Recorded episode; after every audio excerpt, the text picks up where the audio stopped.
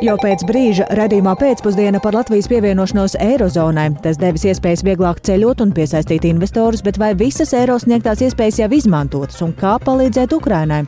To šodien spriež Eiropas komisijas un Latvijas bankas rīkotajā starptautiskajā konferencē Desmit gadi kopā ar eiro. Latvijas novados lemj par mazo skolu slēgšanu. Beidzot, iedzīvotāju protesti nonākuši arī līdz politiķu ausīm un tiek prognozētas arī nopietnas diskusijas. Igaunijā skolotāji turpina protestus, taču viņi nav vienīgie. Vairākas Eiropas valstis ir pārņēmis lauksaimnieku protestu vilnis, kas joprojām negrasās norimt. Vai protestiem gatavojas arī Latvijas lauksaimnieki? Un jau rīt Daugopilī noskaidros pagājušā gada vērtīgāko dziesmu. Arī par to plašāk redzījumā pēcpusdiena kopā ar mani Dāts Pēkšēnu.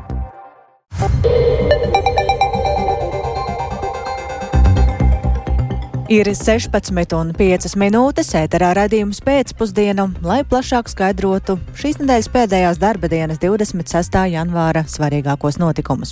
Studijā Dāca Pēkšēna, esiet sveicināti!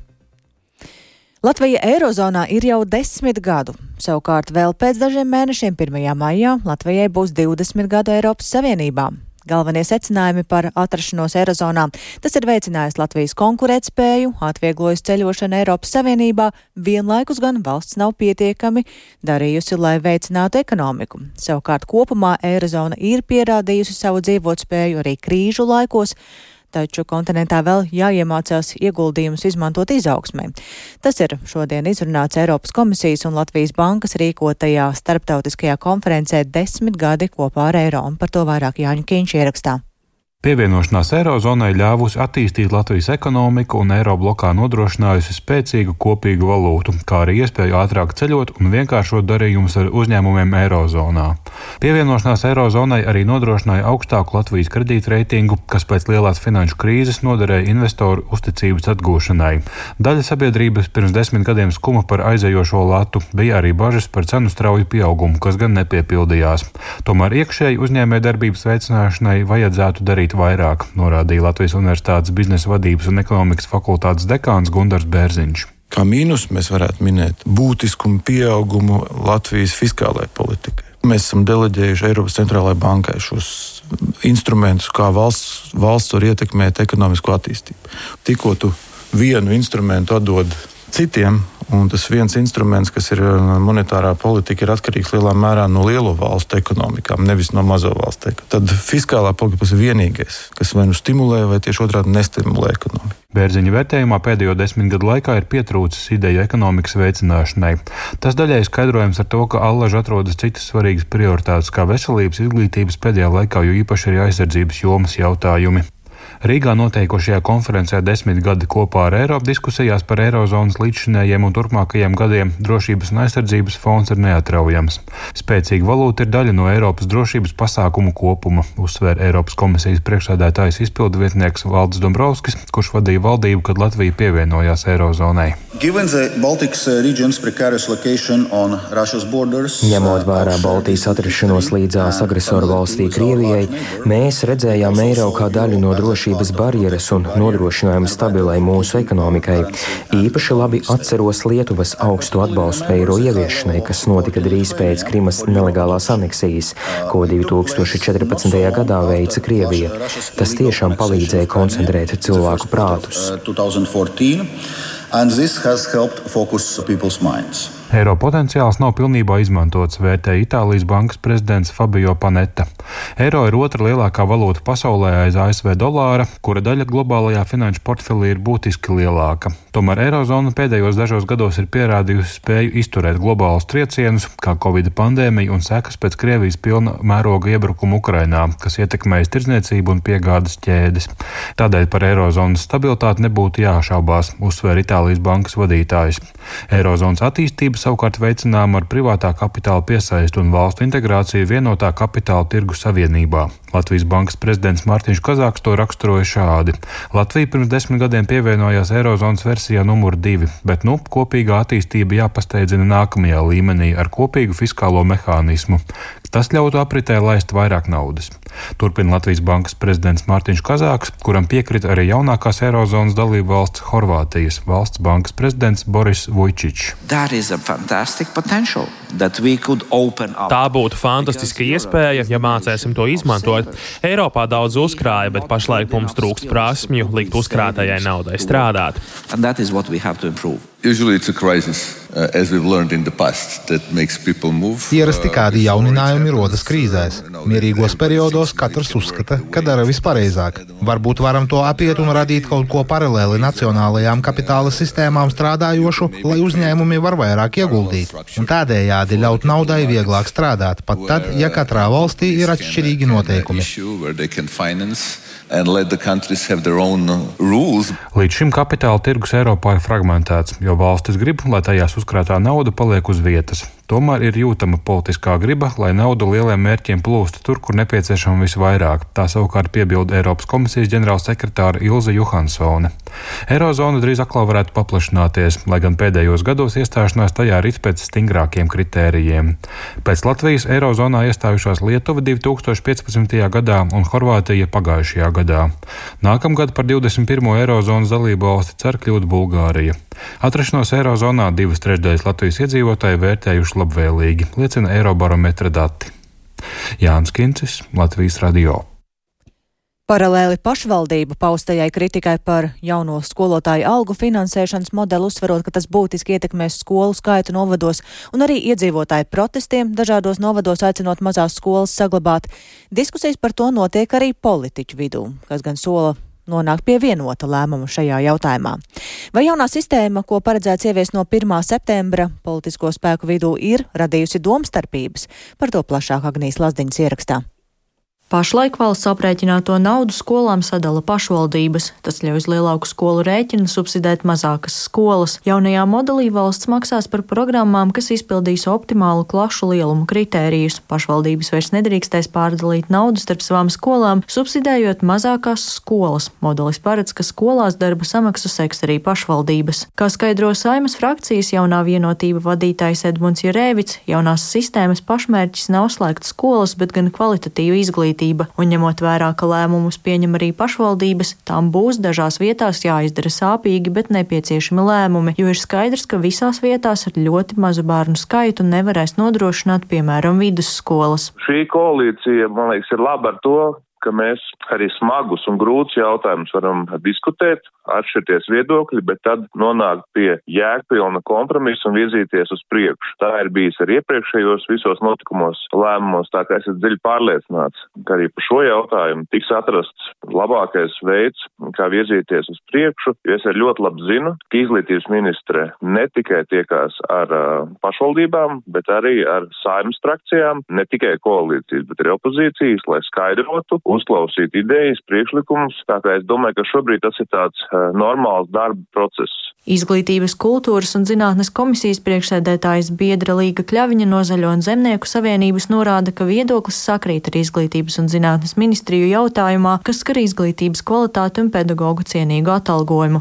Tostarp arī komisijā par šo visu esot vienoti. Taču viedokļi atšķiroties, vai šis jaunais finansējuma modelis nodrošinās lauku un reģionu attīstību un nosaks pamat izglītības pieejamību. Mums ir eh, daudz labu lietu, kur mums sakrīt viedoklis neatkarīgi no politiskās eh, partijas atrašanās atrašanās koalīcijā vai opozīcijā, un to jums noteikti varētu apliecināt uh, jebkurš deputāts saimā un arī, arī pašvaldībā, ik viens iestājās par kvalitatīvu izglītību. Tur nav divu domu, tāpat arī pedagogam ir nepieciešams tiešām uh, cienīgs atalgojums, un, un tie mēķi, kas ir izvirzīti, ir atbalstāmi. Tā kā ir punkti, kuros mums sakrīt viedokļi, bet kas attiecās tiešām uz, uz pieejamību, tur mēs vēl turpinam sarunas.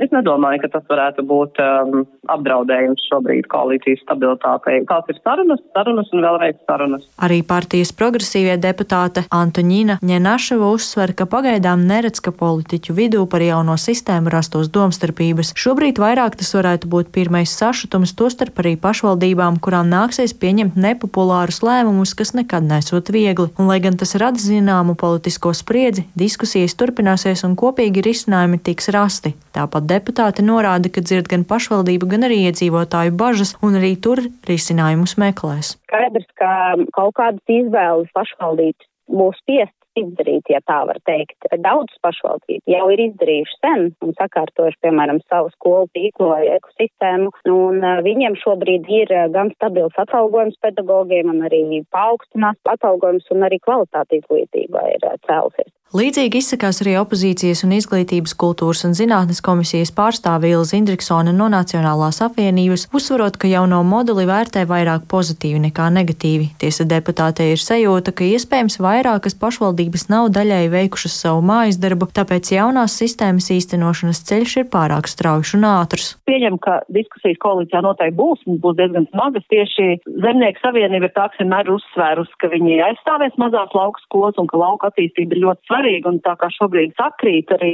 gan pasta nodaļu slēgšana, gan šī te skolu slēgšana un mērķiecīga lauku iedzīvotāju pakalpojumu piemības samazināšana ir kritiska šobrīd, un tas būtu trīsreiz jāapsver, un kvalitāte ir vissvarīgākā, nevis kvantitāte tomēr. Es domāju, ka nonāks, bet ļoti iespējams, ka tiks vai no termiņa pagarināt, vai arī mīkstināt šī te pārēj. Līdz janvāra beigām plānots pabeigt jaunā skolotāju algu finansēšanas modeļa normatīvu izstrādi, ko sabiedriskajai apspriešanai nodos februāra sākumā. Ievies to plāno plānots jau nākamajā mācību gadā - Agnija Lazdiņa, Latvijas radio. Un ne tik daudz par skolu lielumu un skolotāju algām, bet tieši par mācību saturu ir mūsu nākamais stāsts. Ko, ko reforma skola 2030 ir nodarījusi matemātikas mācīšanai? Tādu jautājumu šonadēļ raisīja sociālajos tīklos ar vien plašāku rezonanci guvusī diskusiju par cienījumu Rīgas valsts pirmās ģimnāzijas pedagoģu vēstuli valsts augstākajām amatpersonām. Tajā norādīts uz rupjām kļūdām projekta skola 2030 izstrādē un pat lūgts apturēt tā realizāciju matemātikas jomā, atzīstot, ka projekts ir kļūda. Tomēr Šādam tik drastiskam risinājumam ir radusies arī opozīcija pašu skolotāju vidē, lai gan ik viens secina, ka nepilnības ir. Viedokļos ir ieklausījusies kolēģi Ieva Puķa, šobrīd pievienojas mums studijā. Sveiki, Ieva, saki, nu kādi ir tie konkrētie pārmetumi, kas izskan šajā vēstulē? Jā, labdien, pārmetumi ir ļoti nopietni, un, lai gūtu iespēju par šīs vēstules noskaņu, varbūt nolasīšu tās sākumu. Mēs, Rīgas valsts pirmās gimnāzijas skolotāji, esam ar darba pieredzi vidēji 30 gadi, un savā darba mūžā esam pieredzējuši dažādas izglītības reformas, bet šī ir pati graujošākā. Tā sākas vēstule, ko viņa adresē Latvijas Republikas valsts prezidentam, ministru prezidentei, Sājumas izglītības, kultūras un zinātnes komisijai un, protams, nozares ministrijai. Un šonedēļ to izplatīja arī sociālo tīklu lietotāji. Um, tur ir rakstīts, ka sabiedrībā ilgstoši kultivēts viedoklis, ka projekts Skola 2030 nākotnē nodrošinās skolēniem visu nepieciešamo zināšanu, prasmi un kompetenci apjomu, lai viņi varētu turpināt veiksmīgi izglītību augstskolās. Um, Taču šobrīd esot vilšanās sajūta, jo ir panāks gluži pretējais - veikta mērķtiecīga matemātikas izglītības līmeņa degradācija un graušana. Es šodien devos uz Rīgas pirmo ģimnāziju, tur sastapu matemātikas skolotāju Daini Kriķi, Āju Vasiljevsku, Daci Anžāni un Marutu Avotiņu, un izrādās, ka šī nesot pirmā vēstule ministrijai, un tik emocionāla reakcija bijusi tāpēc, ka pēc pirmās vēstules, kas rakstīta jau pirms pusotra gada, uh, mācību saturā matemātikā grozījumi nesot veikti. Eh, pēc eh, skolas 2030 vadlīnijām matemātiku māca jau četrus gadus, un vidusskolas posmā piedāvā trīs mācību līmeņus - vispārējo, optimālo un augstāko.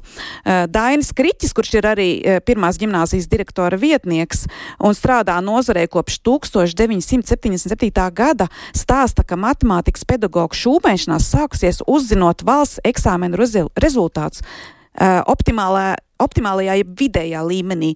Tie bijuši tik slikti, ka šie vidusskolu beidzēji nespēs studēt augstskolās, kur vajadzīga matemātika.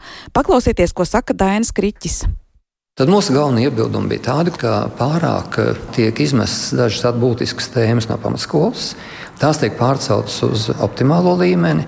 Optimālo līmeni līdz ar to mēs pārblīvējam, ka to skolēni tik veiksmīgi nevarēs apgūt, un arī neizvērtējam optimālajā līmenī, kuras tēmas ir vajadzīgas, lai varētu mācīties tālāk. Jo jārēķinās, ka neskatoties, ka skolām ir tiesības piedāvāt matemātiku, mācīt optimāli augstākā līmenī, nu ne visās skolās to piedāvā.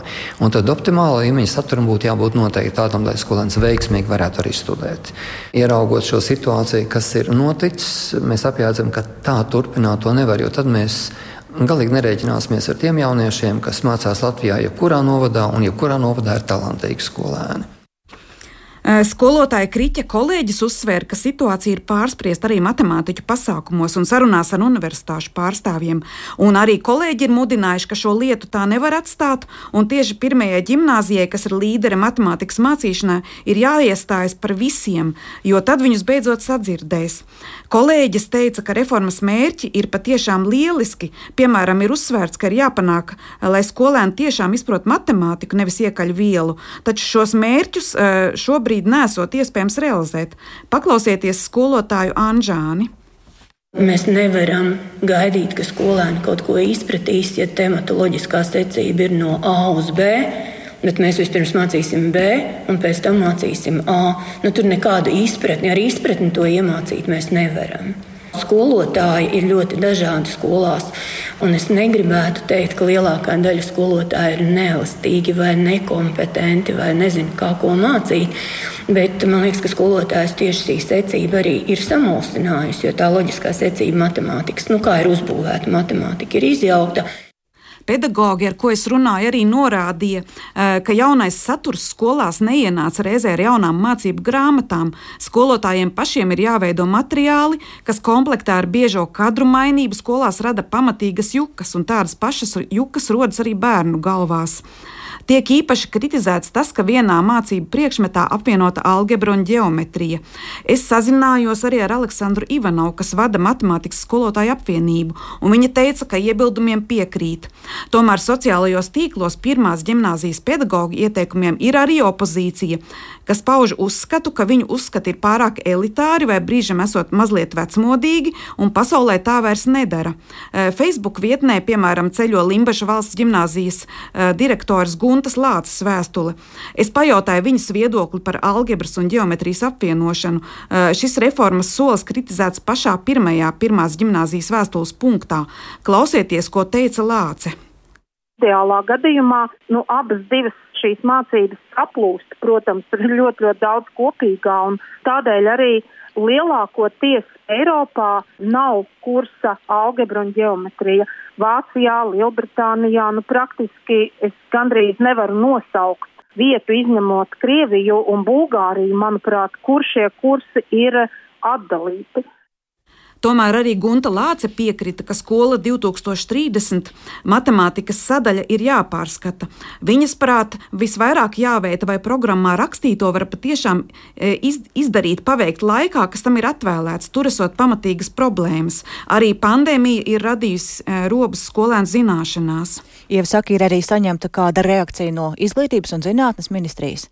Jā, es sazinājos šodien ar ministriju, un tā komentēt situāciju deleģēja valsts izglītības satura centra centru, un tas savukārt savu komunikācijas pārstāvi Janu Veinbergu. Uh, viņa sacīja, ka šis ir normāls process, ka jauninājums darbībā var novērtēt tikai pēc zināma laika, un šobrīd saturs tiekot pārskatīts arī citos mācību priekšmetos, un kritīga, kritika tiekot uzņemta veselīgi.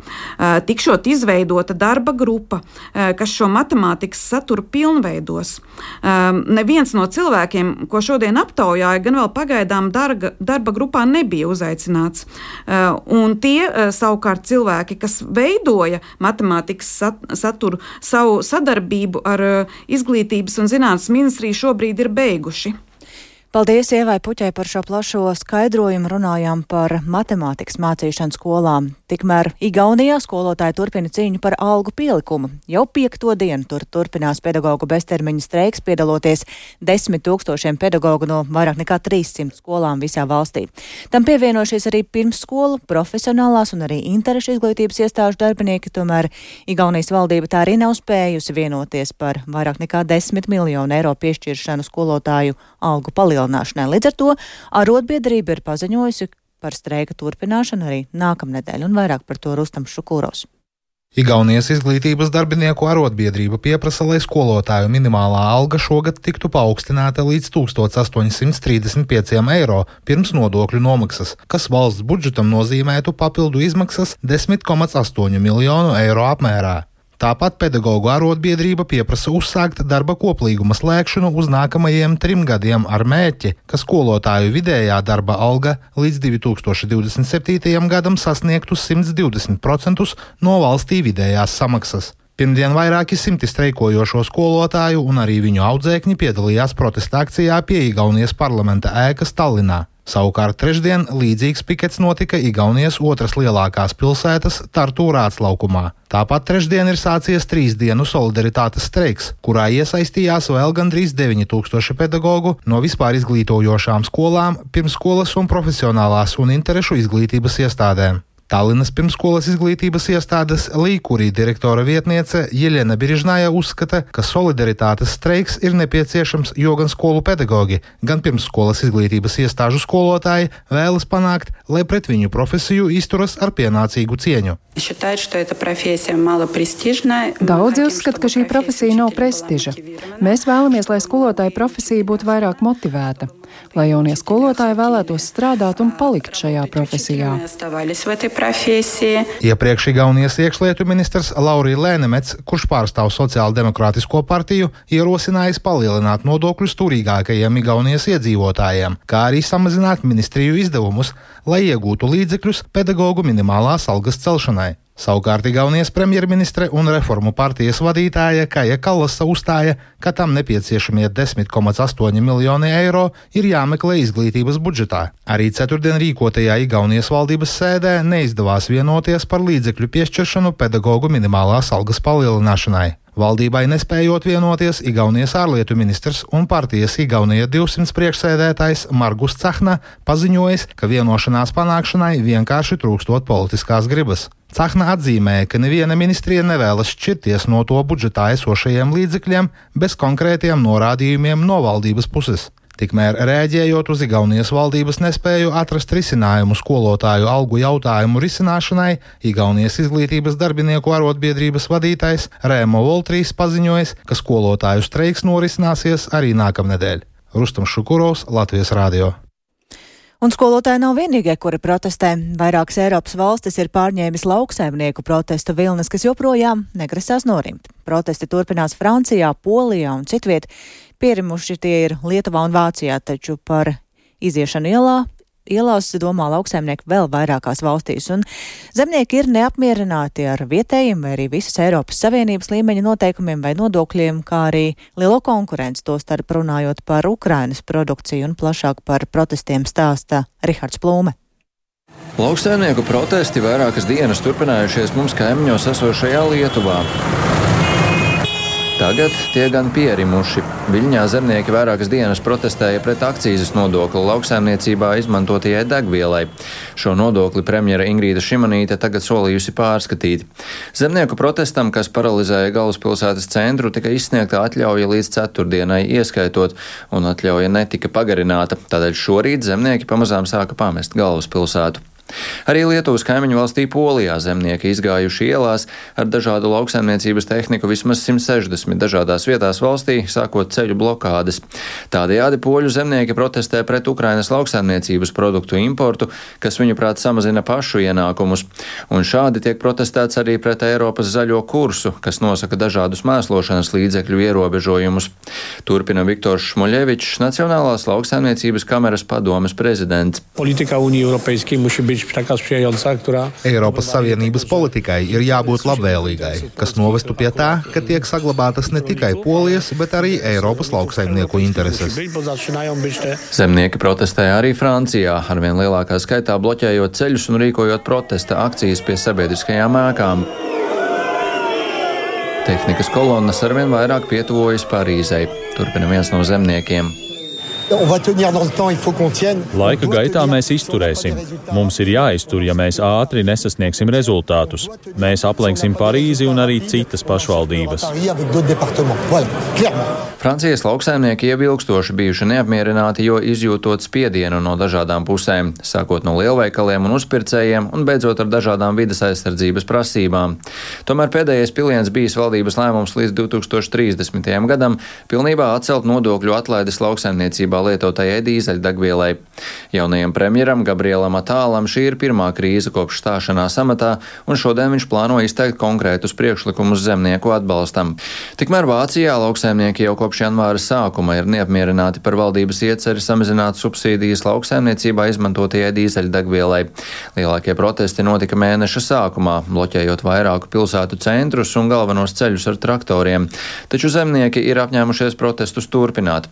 Kanclera Olafa Šolca koalīcijas valdība ir piekritusi sadalīt subsīdiju samazinājumu periodā līdz 2026. gada janvārim un samazināt arī birokrātiju. Protesti satrauc arī Briseli, kas domā par risinājumiem, taču Brisele kritizē, ka tai ar zemniekiem bijis jārunā jau vairākus mēnešus iepriekš. Turpina Eiropas komisijas prezidente Urzula Fonderleina. And I think we all sense that there is an increasing division Es domāju, ka mēs visi jūtam, ka pieaug šķelšanās un polarizācija, kad runa ir par tēmām, kas ir aktuālas un saistītas ar lauksaimniecību. Un es esmu dziļi pārliecināta, ka šo polarizāciju, ko mēs visi jūtam, mēs varam pārvarēt tikai ar dialogu.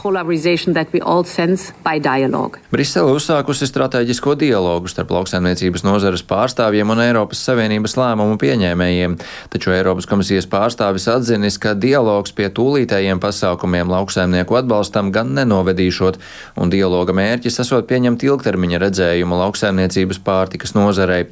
Tajā pašā laikā esot arī vairāki jautājumi, kas prasa komisijas īstermiņa rīcību. Rihards Plūme, Latvijas radio.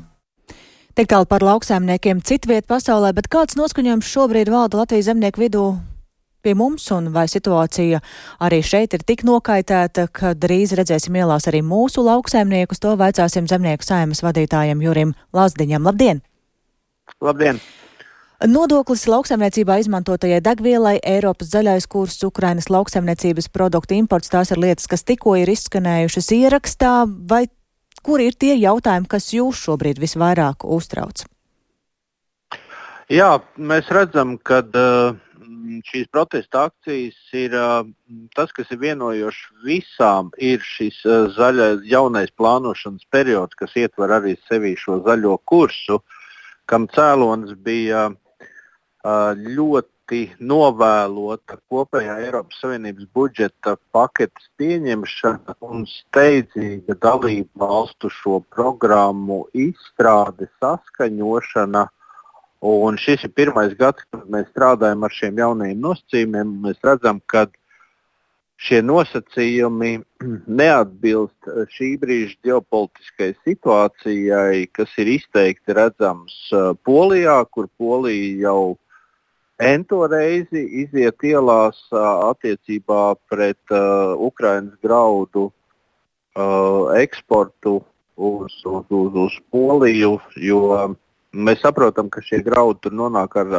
autotransportu, noliktavas tiek piebērtas ar šiem Ukraiņas graudiem. Un, protams, ka polijas lauksaimniekiem vairs nav kur realizēt savus graudus, jo polija saražoja pašpatēriņa līmenī, viņi nebija uh, eksportspējīgi. Bet mūsu uh, lauksaimnieki? Mēs, Mūsu lauksaimnieki mēs, mēs eksportējam. Protams, ka šī ģeopolitiskā situācija ir ieviesusi ļoti būtiskas ekonomiskas pārmaiņas ikvienā mm, saimniecībā. Uh, ļoti lielas izmaksas attiecībā uz izēvielām, savukārt saržotās produkcijas cena uh, ir kritusies uh, pat uh, par 100%. Tāpēc to mēs redzējām arī Latvijā, kā piena krīze jau no 2023. gada janvāra attiecībā uz graudu nozari joprojām iepirkuma cenas uh, krītās. Uh, tāpēc arī mums ir aktuāls šis krievu graudu imports Eiropas Savienībā. Nu, Tur jā, ir ļoti. Bet, bet jebkurā gadījumā tā situācija jā. šobrīd nav tik kritiska, lai mēs jūs redzētu ielās. Ja? Es šobrīd saprotu, ka jūs spējat vēl pagaidām vienoties um, politiskajos gaiteņos. Uh, tā es gluži neteiktu. Situācija ir kritiska, un tāpēc arī to apliecinājums tam bija 2. novembra slāņa šī lauksaimnieku sanāksme, kurā piedalījās ap 700 uh, lauksaimnieku, kur tika izvirzītas prasības, kas ir jāizpilda. Jāatzīst, no piecām prasībām tikai viena ir, ir īstenota, pārējās ir vēl joprojām aktuālas, kas sadalās arī mm, divās daļās - ir īstermiņa un ilgtermiņa prasības. Attiecībā uz birokrātisko slogu jāatzīst, ka uh, notiek mums dialogs ar ministriju, bet nekas neliecina, ka uh, ministrija, ministrijas vēlme ir mazināt šo birokrātisko slogu vai to, ko uz, uz, uz, uh, uz, uz Bet tad es jautāšu tā ļoti tieši un pavisam īsi, tad Latvijā protesti būs vai nebūs? Tā pavisam īsi jūs atbildu, kā jūs teiktu? Mm, tātad 31. janvārī mums ir tikšanās ar zemkopības ministru, kur mēs nodefinēsim gan neizpildītās prasības, kas bija šajā sapulcēs lampē. Un tad arī būs skaidrība. Ja? Klāt mēs liekam vēl prasības, un ja mēs nespēsim vienoties, tad attiecīgi februāra mēnesī protesta akcijas varētu noritēt Latvijā arī. Paldies! Šajā brīdī saku par sarunu zemnieku sēmas vadītājiem Jurim Lāsdiņam runājām par lauksaimnieku protestiem citviet pasaulē un arī iespējamiem šeit Latvijā. Bet eh, par kādu autovadītājiem būtisku tematu varētu teikt, ka pēdējās dienās gan sociālo tīklu platformās, gan medijus ir pašalkusi Sašutuma vētra par bedrēm Rīgas ielās, un lai arī bedres, kas pēc atkūšņa izveidojušās zem pēķiem, nav nekas jauns, šobrīd tiešām ir daudz izdangātu ielu, un kā šodien man sarunā radījumā pusdienu apgalvoja Rīgas domas ārtelpas un mobilitātes departamenta direktora pienākuma izpildītājs Jānis Vaivots, tad šodien gan situācija jau kaut nedaudz tomēr esot uzlabojusies, bet iedzīvotāji ir aicināti aktīvi ziņot par bedrēm. Iepriekšējās divas dienas mēs tiešām saskārāmies ar masveida bedru veidošanos un uh, palīdzēt savādāk kā vien labojot šīs bedres mēs īsti nevarējām.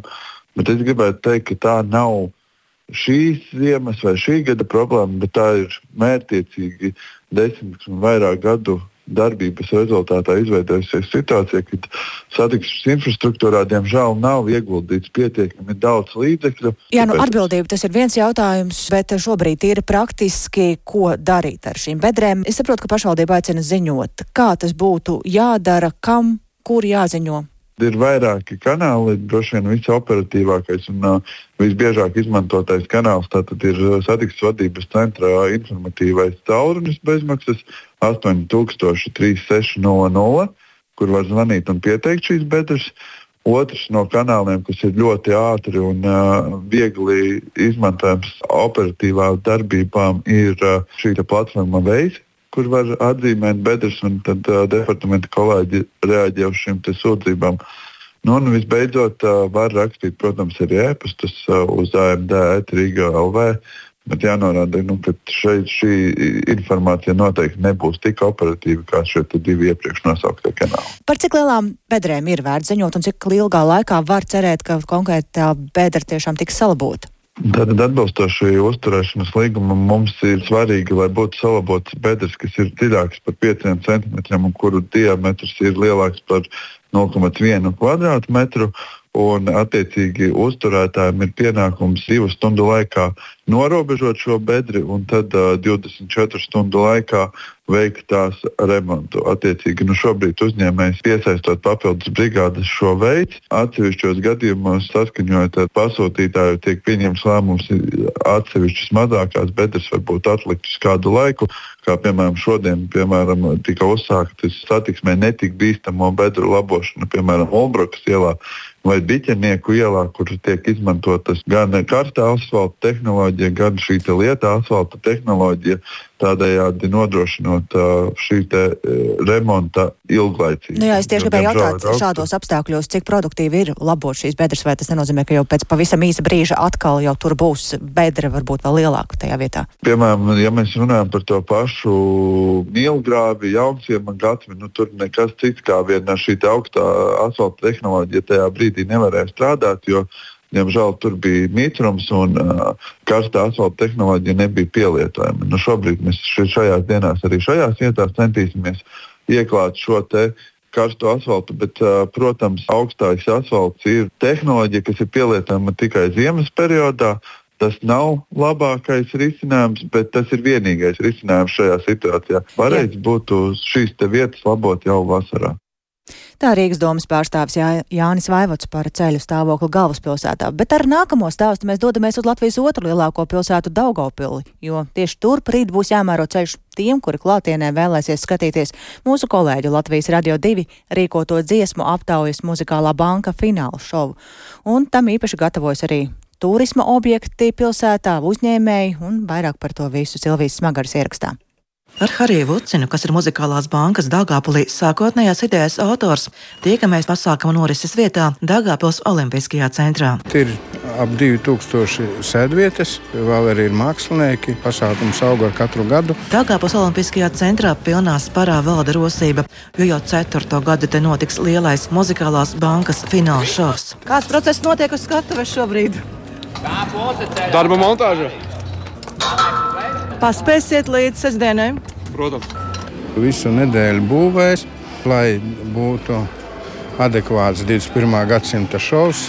Šis pasākums ir gan televīzijai, gan klātienes skatītājam, un katru gadu ir uzlabojumi.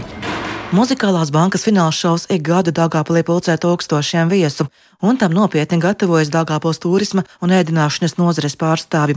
Šogad ar īpašiem piedāvājumiem stāsta nozares pārstāve Līga Rudzīta Besakīrska. Šajās dienās 27. un 28. Dāngāpilī notiks divas ekskursijas. 27. to piedāvā cietoksni apskatīt tuvāk un iepazīt, bet 28. ekskursija ar bezmaksas gida pakalpojumu, kurā trīs ar pus stundu garumā var iepazīt ne tikai Dāngāpils ielas, Dāngāpils Daugavpils pilsētas burvību, bet arī apmeklē dažādas kultūras un turisma iestādes. Pastaigājoties pa pilsētu, ieiet kaut kur. Ieiet kaut kur šajās dienās Daugavpilī būs daudz iespēju, tāpat kā vilinošu piedāvājumu. Rotko muzejs, inženieru arsenāls, novadpētniecības muzejs piedāvā īpašu biļeti, Šmakauks muzejs. Vai zināt, ka Daugavpilī šo sestdienu muzikālā banka ienāk? Zinu, gan ļoti patīkami, ka mūs ir ieraudzījuši un ka jau vairākus gadus notiek šādas brīnišķīgas lietas. Gan izklaide, gan zināms azarts balsojot par to. Pašiem Dagāpliešiem muzikālās bankas finālšos jau kļuvis par gaidītu pasākumu, kam seko līdzi dažādu tautību iedzīvotāji, un to kā īpašo pienesumu pilsētai uzsver arī Harijs Vocins. Pirms pirmās muzikālās bankas vajadzēja diezgan gari stāstīt, kas ir muzikālā banka. Un tad man viens no argumentiem Krievu iedzīvotājiem bija tāds, ka Это песня года Латвии. Gada jā, dziesma jā, Latvijā. Jā, bet tagad vairāk nevienam nav jautājumu. Daugopilī jebkuram cilvēkam ir skaidrs, ka tas nav kaut kāds lokāls latviešu nacionālistu pasākums, ka tas ir pieejams un interesants jebkuras tautības iedzīvotājiem. Tas arī bija viens no mērķiem. Ir vēl viens arī kritērijs Latvijas televīzijas reitingi. Muzikālās bankas laikā tas leciens katru gadu tā līkne iet uz augšu, tā kā nevis kalnā, bet klintī. Tik Daugopilī nekad nav skatījušies Latvijas televīziju kā muzikālās bankas laikā. Muzikālā banka. Šogad muzikālā banka notiks jau 24. reizi, un 4. reizi Dāngāpils rītdien kļūs par tās māju vietu. Silvija Smagra, Latvijas radio studija Latgalē.